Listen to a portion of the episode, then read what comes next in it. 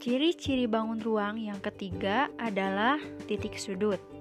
Titik sudut merupakan titik pertemuan dari tiga rusuk. Seperti gambar kubus berikut, yang termasuk ke dalam titik sudut adalah yang di ujung ini. Kita hitung ada berapakah titik sudut pada gambar kubus ini. Kita hitung ya. Satu, dua, tiga, empat, lima,